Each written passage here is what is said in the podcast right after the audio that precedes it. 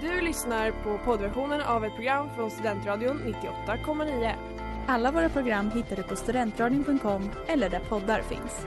Av upphovsrättsliga skäl är musiken förkortad. Letar ni efter någon som verkligen kan hudvård? Då är Lemors Clinic något för er.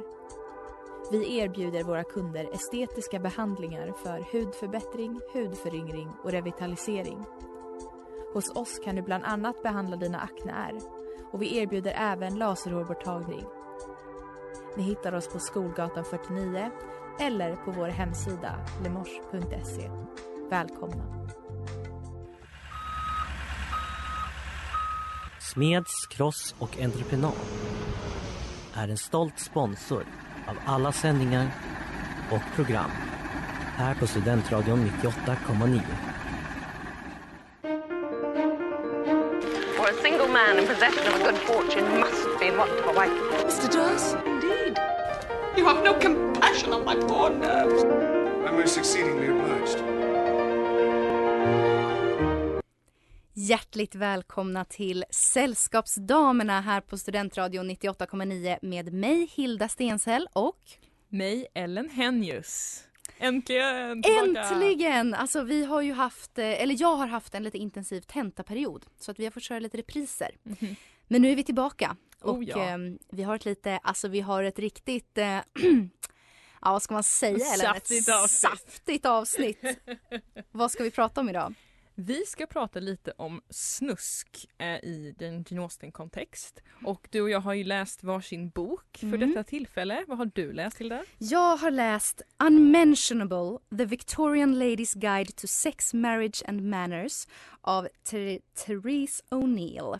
Eh, den har jag läst Låter väldigt saftigt. och du har läst. Eh, jag har läst Eavesdropping on Jane Austens England How Our Ancestors Lived Two Centuries Ago av Roy och Leslie Adkins. Så att eh, vi har fått djupdyka lite i den kroppsliga världen av Jane Austen som är lite bakom kulisserna kanske. Exakt, precis. Alltså, eh, det, det, vi ska liksom idag helt enkelt utforska ja, men lite allt möjligt som skulle kunna gå under begreppet snusk. både, både sex men även lite kiss och bajs och andra trevliga saker. Precis. Allt det som man inte fick prata om på Janes tid. Men Precis. som ju existerade då som nu såklart. Självklart. under eh, liksom eh, dold, eh, vad ska man säga, dolda säga. Bakom stängda dörrar, precis. Ja, Nej men det, det är som sagt, det finns ju mycket som, det finns säkert mycket mer att säga, eller det, det, finns, det finns garanterat mycket mer att säga än det vi Ja. kommer ta upp idag. Men det är i alla fall en liten eller smakprov exakt. på vad som finns. Precis, och kanske lite boktips också. Ja. Om man, eh, ja, vi kan locka er till, eh, till det här helt enkelt. Definitivt.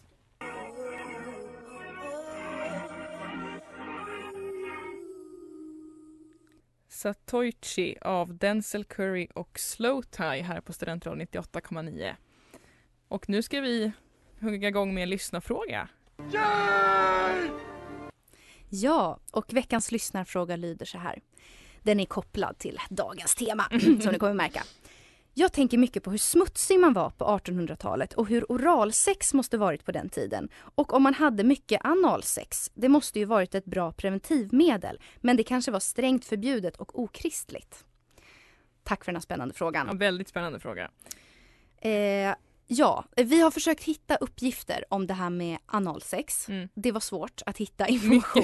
svårt. Det fanns inte mycket källor på det. Men jag tror också att det är säkert något sånt där som inte dokumenteras så mycket. Exakt, exakt. Men jag tror, alltså jag, tror så här, jag tror att folk har gjort det mesta i alla tider Mm. fast man inte har pratat om det. Ja men precis. Så. Men det fanns ju däremot andra eh, sätt att, alltså det fanns ju andra preventivmedel. Ja. Eh, bra och dåliga metoder. Och det har vi hittat lite information kring. Ja. Eh, till exempel så fanns det, man rekommenderades att man kunde ta, bryta av en liten del av en tvättsvamp, snurra in den eh, och sen så, det här är alltså direkt Mm. utdrag från 1800-talet. Before connection, insert the piece of sponge far up your person.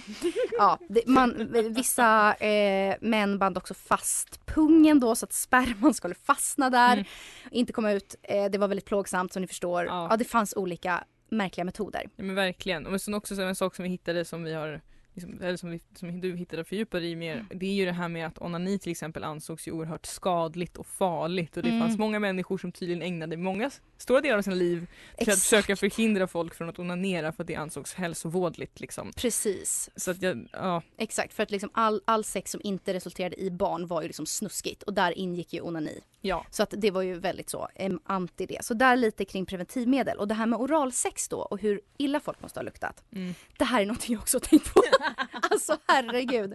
Eh, och, men det här, för i den här spännande boken Unmentionable då, Mm. så stod det ändå så här att trots att det är ju väldigt motsägelsefullt här. För att liksom alla läkare var ju så här, usch det är, det är snuskigt att röra vid sig Mm. själv, det är snuskigt, det är syndig plats. Samtidigt så sa de då till kvinnor specifikt, typiskt, att det var också väldigt hemskt om man rörde så lite, alltså att kvinnor var så rädda att röra vid sig själva så att de inte gjorde rent där Ja. nere. För då kunde man också få massa sjukdomar, Ja, vilket man precis. också kunde få om man rörde sig. Så att, ja, det var ju liksom... eh, Man kan aldrig göra rätt. man kan inte göra rätt. Men det som rekommenderades då var att man eh, skulle eh, då en gång i månaden under det varmare halvåret skulle man då separera blygdläpparna och nu är det direkt citat, väldigt äckligt. Cleaning out from the furrow between them a mass of cheesy matter.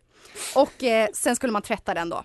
Så att man kanske fick eh, planera in oralsexet lite då Ja, men utifrån precis. det här.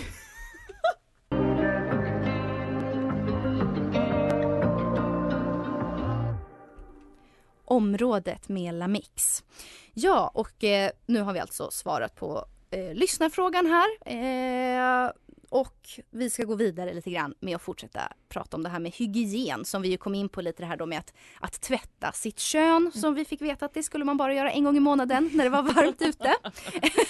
Precis. Ja.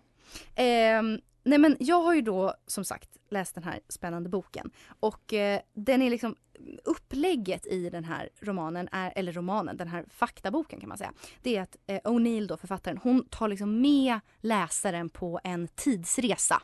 Det är liksom eh, hela hennes eh, liksom ingång i den här tidsresan och hon vänder sig väldigt så här, eh, förtroligt till läsaren och liksom och ingången är ju så här, ja jag förstår att du, du har sökt dig till den här boken för att du, du älskar Jane Austen och systrarna Brontë och du kollar på de här kostymfilmerna där allting ser så vackert och romantiskt ut och sådär. Men jag ska visa dig det verkliga 1800-talet. Sanningen. Sanningen eh, med liksom, ja, den mörka sidan helt enkelt. Bajs, kiss, mens, sex.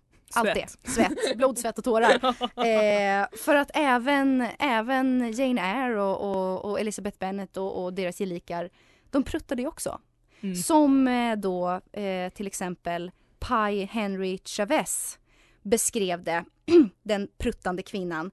Flatulence is sometimes the torment of her life. It not only causes much discomfort but frequently, great pain. The wind wobbles about the bowels outrageously, first in one place, then in another, then rising in volumes to her throat, almost choking her while. Fruktansvärt öde att bli kvävd av sina pruttar. Det är verkligen hemskt men det är ett otroligt underhållande citat. Ja. Alltså den här boken är full av så sjuka citat. Alltså jag har skrattat högt när jag läst det här. Men jag förstår verkligen det. det till skillnad från min bok då, var, den var inte så liksom, rolig på det sättet. Den var Mm. mer, mer informativ Ja. endast liksom. Så här, lite mer så. Eh, men då liksom bland annat om man pratar om det här med ja, men, pruttar och renhållning och så vidare så var det ju så att eh, från början, eller så här, kvinnor hade inte underkläder förrän in senare på 1800-talet. Eh, så att det var liksom easy access, liksom easy, vad ska man säga, utgång Ja. antar jag. Ja. Lyfta på kjolarna liksom.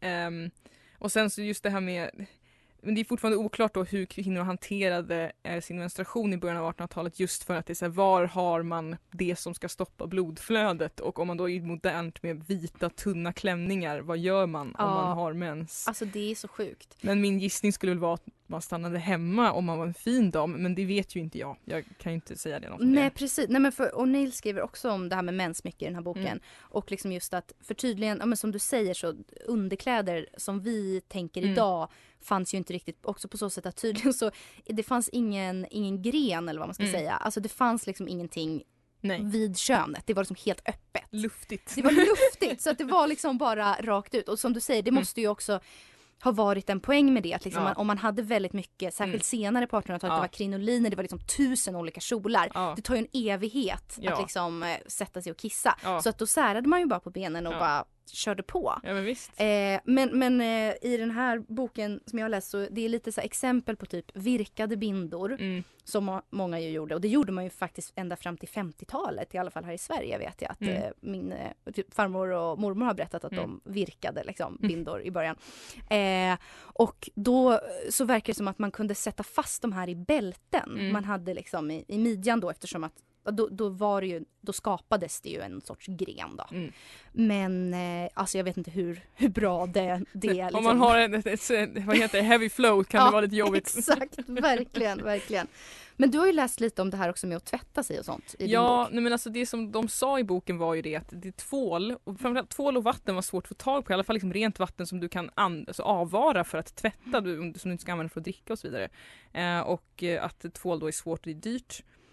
Eh, både för att tvätta sig och kläder, så man tvättade sig själv väldigt sällan. Och likaså med tvätt, alltså tvätta kläder och lakan och sånt där. Och de sa att liksom every other week, alltså om ens det, så tvättade man kläder och då kunde det ta en hel vecka att tvätta för att du ska Ah. tvätta, torka, stryka, vädra, allt det där. Så då kunde man om man var finare då anställa antingen en, liksom en kvinna som kom och tvättade eller att man skickade iväg tvätten för att den skulle tvättas. Men då förstår man ju också hur skitigt allting är. Ja, Man, också att man inte kan hålla sig själv riktigt ren men också att man kan inte tvätta så mycket. För det tar tid och det är dyrt och det är liksom så här, man har inte den tiden att avvara helt enkelt. Nej. inte de liksom, medel som behövs. Men så fanns det ju så här, såklart motsvarande tvättmedel och liknande som löste liksom fettfläckar och sådär på olika sätt men med den standarden vi har idag skulle man nog vara ganska chockad Ja. om man åkte tillbaks och bara aha, verkligen. fräscht. Om man, mötte, om man åkte tillbaka i tiden och träffade Mr Darcy kanske man inte då kanske det hade varit ett problem att oh my god, Mr Darcy luktar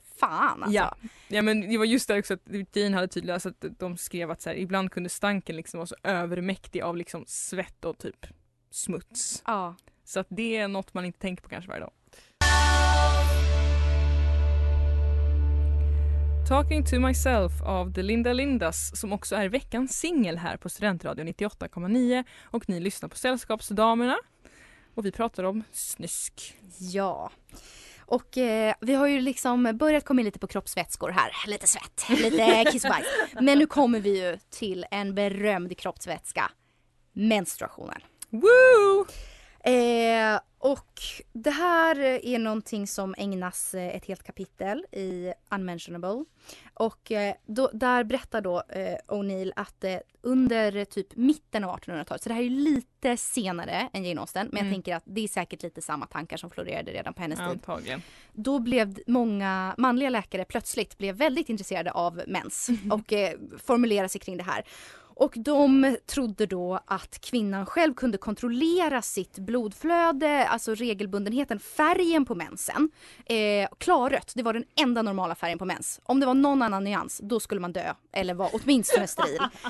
eh, och eh, man kunde också drabbas av tuberkulos eller manshat om, ens, om man inte hade liksom en ideal Så- menstruationscykel. Sån, eh, drama queens. Alltså otroligt. Och eh, O'Neill har då citerat här en, eh, en så kallad läkare, Orson Squire Fowler, som skrev en bok som heter Private Lectures on Perfect Men, Women and Children in Happy Families. Herregud. 1880. Och där så skrev han då bland annat att den kvinna då som mensade för lite, eh, hon sparade mensblodet i sin kropp vilket var mycket dåligt av henne. Och det här, för att det här mensblodet då skulle då börja vandra omkring i hennes kropp. Det skulle vandra upp i hennes hjärna och i hennes lungor och från lungorna skulle hon hosta upp blodet och ha- få då tuberkulos. Och det var det här med att saker och ting i kvinnors kroppar vandrar omkring, det återkommer. Man trodde också att livmodern kunde vandra runt. Ja, vi kommer Mm. komma till det här eh, mycket. Men eh, så det var mycket, mycket sånt. Alltså jag tycker ändå det, det är intressant hur ändå komplicerad, alltså kropp, kroppen är komplicerad. Men Ja. hur man verkligen tänker så här, den typ lever sitt eget liv. Att Ja. mensblodet ska röra sig upp in i lungorna och sen ut. Alltså jag vet inte.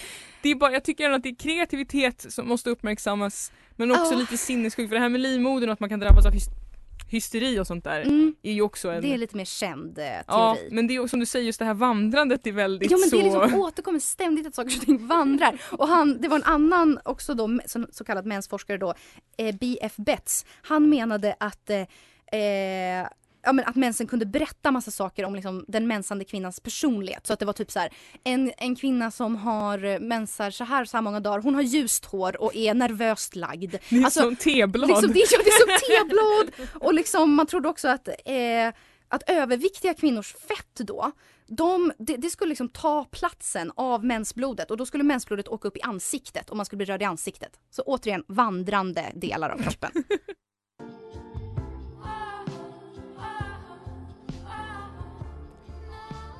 Killing It med E.G.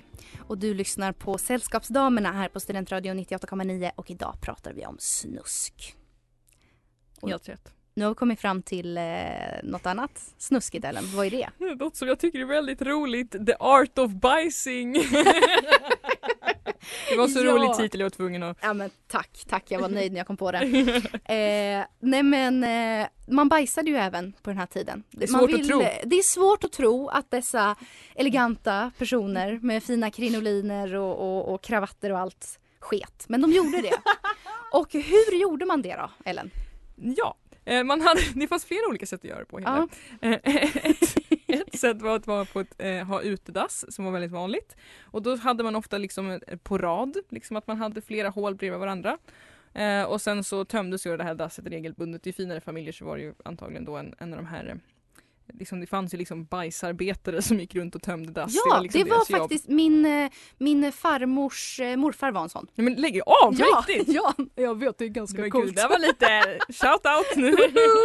Göteborg, sekelskiftet. Det var hans jobb. Ja, Gud det är ändå det är jättecoolt. Nu Mm. blir jag helt off track här. Det, var, ja ursäkta. det är ingen fara. Jag ville bara skryta lite om min, min coola bakgrund. um, nej, men man kunde ju också, en vanligt var ju också att man använde pottor förstås och stolar med hål i som kallades då close stools på grund av att det hade ett lock som man kunde stänga för att dölja pottan under. Ehm, ja och vad mer kan man säga om detta? Eh, jo, nej men eh, de, de rika familjerna då, som bodde lite större, de, de kunde ha liksom som små utrymmen, små rum som faktiskt kallades garderober. Mm. Eller garderobes. Mm. Men jag tror inte att det är exakt så som vi tänker garderober, liksom att man hade kläderna där. Mm. Dock så förvarade man sina bästa klänningar där inne. Därför att i den här så kallade garderoben, där skulle man ha sin lilla close stool, Mm. sin lilla toalett så att man fick bajsa i fred. Mm. Och då tänkte man då sjukt nog att liksom ångorna från urinet och avföringen skulle ha någon sorts bakteriedödande effekt på finkläderna. Jag tycker ändå att det är kreativ tanke också faktiskt. Ja, jag, det, så att liksom när ni ser en kostymfilm nästa gång och det är en balscen och du ser de här vackra kläderna, då vet du var de kläderna har varit och vad de har luktat. Det var kiss och bajs där. Det var kiss och bajs där. Ja, men det var, fanns det inte någon, så här, också någon teori om att man tvättade håret med kiss på 1700-talet i något barnprogram som man såg? Men det kan nog vara sant, Mm. för urin är ju väldigt rent faktiskt. Ja, nej men vi ska, jag ska inte, liksom citera mig inte på att det, det är sant så att Ja. säga men det kan, jag har för mig att det kan ha varit en grej. Ja. Eh, ja men det, det är ändå väldigt spännande också det här med toalettpapper som vi ändå tar som en självklarhet Mm. och nu med corona att alla sprang och köpte toalettpapper. Exakt. Inte helt orimligt med tanke på att det fanns inte ens Exakt. på Jane Austens tid utan det uppfanns 1890. Precis, av Scott Paper Company. Det var ju lite, det var lite fyndigt. Verkligen.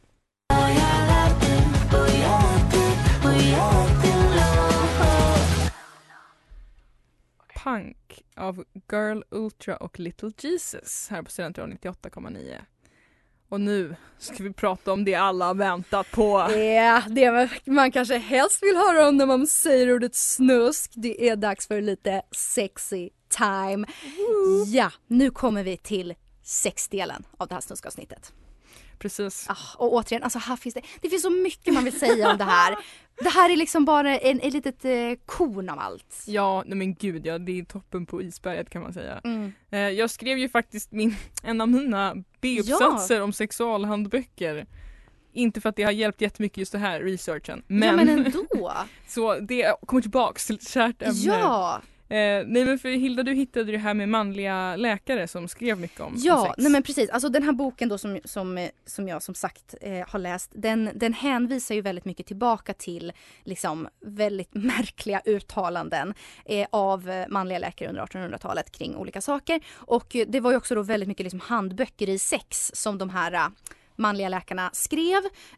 Och där så, så varnar de faktiskt män då för att de ska, alltså, eller de, de verkligen säger så här, man ska inte vara våldsam mot sin fru på bröllopsnatten. Du ska inte våldta din fru liksom. Det kan man ju tänka, ja men det var ju bra. Mm. Eh, och det var det ju. Men, men den anledningen var kanske inte jättefeministisk då. För att anledningen var ju då att de var så här, nej men kvinnor kan inte känna sexuell lust. Det finns inte i kvinnan att tycka om sex. Vad du än gör så kommer hon alltid tycka att det här är fruktansvärt. Nej men gud. Ja, så att liksom eh, det var liksom deras, alltså eh, här är ett citat från en av de här läkarna. Remember that the pleasures of married life will be anything but pleasure for the young maiden whom you have taken for your wife. Be as gentle as you may, they will cause her intense suffering. Så det var ju inte ens så här försöka bli lite bättre älskare utan det var bara så här du kan lika gärna ge upp och bara försöka att inte vara för våldsam för hon kommer lida oavsett. Men det var ändå lite fint när man tänker så här, förmildra det så mycket du kan. Ja, Det kände jag ändå var, det var mer hänsynsfullt än vad jag skulle kunna tro. Jag blev också förvånad att det Mm. inte var bara så här. Våldta henne, hon är din fru nu. Alltså så, att de försökte ändå lite men och ändå Det är konstigt. så här, the, bar is very low. Ja alltså det är så sjukt vilken low bar det här är. Men de, de säger ändå att det finns ett sätt för kvinnor Nej, att men- uppleva sexuell njutning. Tell me. Inte klitoris! Inte! För det här, eh, klitoris var enligt de här läkarna eh, bara en exterior irritation women must do their best to ignore. Så den, skit i den. Skit i den, okej. The way to go var att då eh, snoppen skulle då komma så långt in så att den kom åt livmodern. Så att livmodern började hoppa upp och ner i vaginan. Det var, då, då skulle kvinnan känna lite sexuell njutning. Även fast hon är en otroligt eh, osexuell varelse. Återigen med de här väldigt rörliga inre organen. Exakt, det återkommer ständigt. Saker och ting wobblar omkring i kvinnan. Eh, och nu då livmodern hoppar också omkring. Nej, ja, alltså, jag- jag, blir nej. inte jättesugen om jag ska vara ärlig här. Jag tycker inte det låter skitkul med en Nej hoppande det livmoder. ska ju inte heller vara kul. Nej. Det här är en plikt Det man ska en genomföra. För att producera barn. Precis. Det Ja. är också, jag tänker ändå så här, hur, för det stod det mycket om i min bok, det här med det, farliga med att föda barn. Att Mm. man kan ju, man, alltså att man kan få döds, dödföda, alltså missfall och sen att man själv då ofta dör i barnsäng. Att det är en väldigt stor risk Mm. Att föda barn. Så jag tänker också att det inte var så jättekul för kvinnan. Du kan inte ha kul när du gör dem Exakt. och du kan inte ha kul när du föder dem och sen så är det, eh, och så kan du antagligen också dö. Det är liksom så här, Precis, och du ska skämmas hela tiden. ja du ska skämmas hela tiden. Alltså konstant. det är Ja. ett hårt liv. Det är ett jävligt hårt liv alltså. Det är verkligen, eh, ja det är sjukt.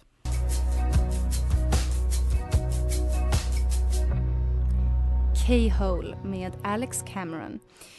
Ja, och vi har ju precis eh, avslutat en liten eh, genomgång här av lite sex, eh, tankar kring sex Mm. som florerade under Janes eh, tid. Det, det här är ju liksom, som sagt, det finns så mycket mer sjukt att Oh säga ja, om oh det ja, här. oh ja. Och jag kan bara säga att jag är så glad att jag lever eh, idag. Ja, verkligen. Vi kan avsluta det här bara med en liten varningslista. Om Mm. ni nu vill testa 1800-talssex, om ni vill gå hem och testa det här med att försöka få era livmödrar att vandra omkring i era vaginor. Så, så finns det också i den här boken jag har läst då en liten varningslista från de här manliga läkarna. Mm. När man inte ska ha relations, alltså grovt mys som du och jag brukade kalla sex på högstadiet. Kommer du ihåg? Det var så jävla bra namn. Gud, ja. Ha inte grovt mys. After a large meal, while either partner is drunk, after great physical or mental exercise, often, when thinking of more important things. Ja, Fint, fint så sammanfattat. gör inte, testa inte det här med hoppande livmodern om någon av de här sakerna stämmer Nej, in, för precis. då kan ni dö. Det, det brukar vara liksom kontentan Ja, hos många av de här precis. läkarna. Ja men precis, det är det. Mycket ledde ju för sig till döden på den tiden så jag kan Ja, ändå förstå den Exakt, slutsatsen. men- exakt. Men eh, det var det Ja, om det snuskiga. Och nu är Precis. det dags för detta. In vain I have struggled. It will not do. My feelings will not be repressed. You must allow me to tell you how ardently I admire and love you. veckans Mr Darcy. Och den här veckan har vi hittat något som är som Mr Darcy att det nästan är lite hysteriskt. Ja, alltså det, det var du som, som upptäckte detta underbara fenomen Ellen. Ja, Vill men du berätta? det, jag vill absolut berätta. Eh, det är nämligen så att det ska komma en ny liksom, eh, dating show på NBC som heter The Courtship. Och The Courtship går ut på att det är en kvinna som, blir, som jag förstår liksom bor på något slags gods med sin familj klädd i så Bridgerton-kläder inspirerat av Pride and Prejudice liksom. Och så blir hon uppvaktad av x antal män i liksom Pride and Prejudice-anda som går klädda i Regency-kläder och doppar sig i vita skjortor i sjöar och liksom så här. Alltså det är ju helt alltså jag, jag vet inte vad jag ska säga. Ja. Jag blir, det är som Mr Darcy. Alltså det, det, det kan inte bli mer veckans Mr Darcy. Nej. Och du visade mig trailern på den här och jag Ja. kände bara jag kan inte vänta en dag till, jag måste se det här nu. Ja. Och liksom när man googlar på det här, det, det är såna otroliga tidningsrubriker kring det här. Det är så här Bridgerton meets the Bachelorette. alltså det kan ju inte bli mer underbart. Nej men det kan inte det, helt ärligt. Och så, Ja. Det går ju då, det, hade premiär tror jag på NBC den 6 mars. Eh, och jag vet inte var man ser den i detta land som Nej. vi kallar Sverige. Och jag känner att det är väldigt svårt att behöva liksom gå runt och inte veta när ska jag få se The Courtship. Ah, Alltså, Det måste ju vara den bästa, om det inte är den bästa dejtingshow jag någonsin har sett så kommer jag bli så oerhört besviken. ja. För det är ju liksom, det, det, alltså på riktigt, Hilda, okej om det här hade lanserats i Sverige, Mm. hade inte du känt, nu vet jag om du inte hade haft partner, Mm. hade du inte känt lite Jo. värt att Alltså, ansöka? Jag, jag hade fan sökt. Alltså, ja, du då? 100 procent! Men du, du kan 100%. göra det eller? Ja, ja, This is ja. your chance. I will take it from both of us. Nej men om det blir en succé kanske det spelas in en säsong i Sverige. Alltså, Alltså, jag att man köper in konceptet liksom här. hoppas. För att alltså, jag, jag är bara så, jag tycker också det är fantastiskt att det är någon som har tänkt ut det här och bara det här. För det Ah. påminner ju lite om de, alla de här Lost in Austin och Mm. Austinland och allt den här, den här liksom drömmen. Exakt. Men nu i och för sig har vi kanske slagit hål lite på det. Exakt, nu vet vi allt det här. Alla kissar rakt ut. Det är liksom... eh, Nej, men man kan inte torka sig, Man man, kan kan inte- inte, nej. livmodern hoppar runt. Det är liksom... Mensblodet kommer ut ur munnen. Alltså, det är mycket jobbigt. Men, Mm. men, men det är ju liksom på något sätt det perfekta då för jag menar de har ju förmodligen ändå liksom backstage så att säga så har de ju säkert vanliga toaletter Jo, och men det- duschar och det allting. Men de, de får liksom det bästa. Ja, de får drömmen. De får drömmen, de får både de moderna liksom, eh, faciliteterna och romantiken. Det är fantastiskt. Ja men det är också så här hur de pratar om det i trailern bara så här. You, you, how you caught me eller liksom så här, is this proper? Alltså de liksom pratar så. Det är Alltså, ju helt otroligt. ja, men det, det är helt sjukt ja. alltså. Och det var också en kille som stod topless vid en häst i sådana liksom byxor och bara stirrade in i kameran jätteripped. Man bara det här är ju liksom det är verkligen The Bachelorette meets Bridgerton på riktigt. Ja, Så strongly recommend för alla som kan se det och eh, ja, mest Mr Darcy, mm. det har hänt mitt liv kände jag nästan på att säga, inte riktigt kanske men ja men alltså Typ. det tar typ priset faktiskt.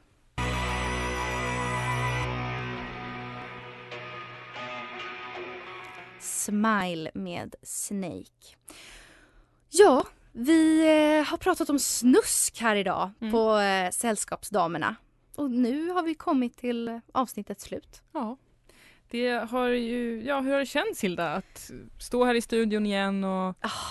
prata om Jane Austen i alla, i alla dess former. Alltså det har varit så himla roligt. Mm. Jag har verkligen saknat att, att spela in och jag har också varit väldigt taggad på det här avsnittet. Mm. Jag kände liksom bara att så här, det finns liksom så mycket mer Ja. information man hade velat dela med er kära Ja. lyssnare. Ehm, men ehm, ja, det, man hinner inte med allt helt Nej. enkelt. Men vi också rekommenderar ju starkt de här böckerna som vi har läst. Ja, Eh, framförallt din som var väldigt liksom, rolig och så att det känns eh, ja den är väldigt roligt Ja. skriven. Eh, verkligen. Men, men din verkar också väldigt spännande tycker jag. Ja men min, min kör, jag tror att den är lite mer akademisk struktur Ja. men den är, väldigt, den är också väldigt spännande. Det är mycket spännande information och det är liksom kul att de blandar in Jane Austen-kontexten. Inte bara så här, ja, men Mm. historia sent 1700-tal, tidigt 1800-tal utan det är också liksom kopplat till Jane Austen då som person.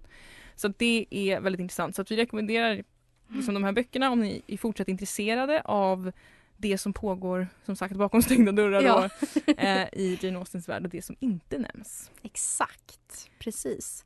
Ja, men man har ju fått lite så ny respekt för de här romankaraktärerna tycker jag. Åh gud ja. Eh, eh, Gud, ja. efter att, eh, och de som levde på den här tiden. Liksom, att Mm. eh, ha levt och trott de här sakerna Eh, ja, det är... Det har varit tufft. Det har varit tufft alltså. Nej, men absolut, så verkligen hatten av till alla historiska personer som Ah, har Verkligen. tagit sig igenom eh, dessa Ja, för sig, om man, det är det man vet så är det nog inte himla komplicerat men för oss så blir det ju en ja, stor verkligen. kontrast. Men jag tycker det är väldigt mycket skrämselskott. Jo, definitivt. Liksom, det här med att så här, definitivt. äh, som det stod i den här boken jag läst, liksom att så här, om, om din mens inte är eh, klarröd som ett freshly Ja. cut finger, eh, då ska du dö liksom. Ja. Alltså det är inte det är inte alltid mensen är klarröd. Nej, Då varenda gång den inte är det så liksom känner man, åh herregud, nu dör jag. nu är det, Nu är det nu slut. kommer jag snart hosta upp mensen här.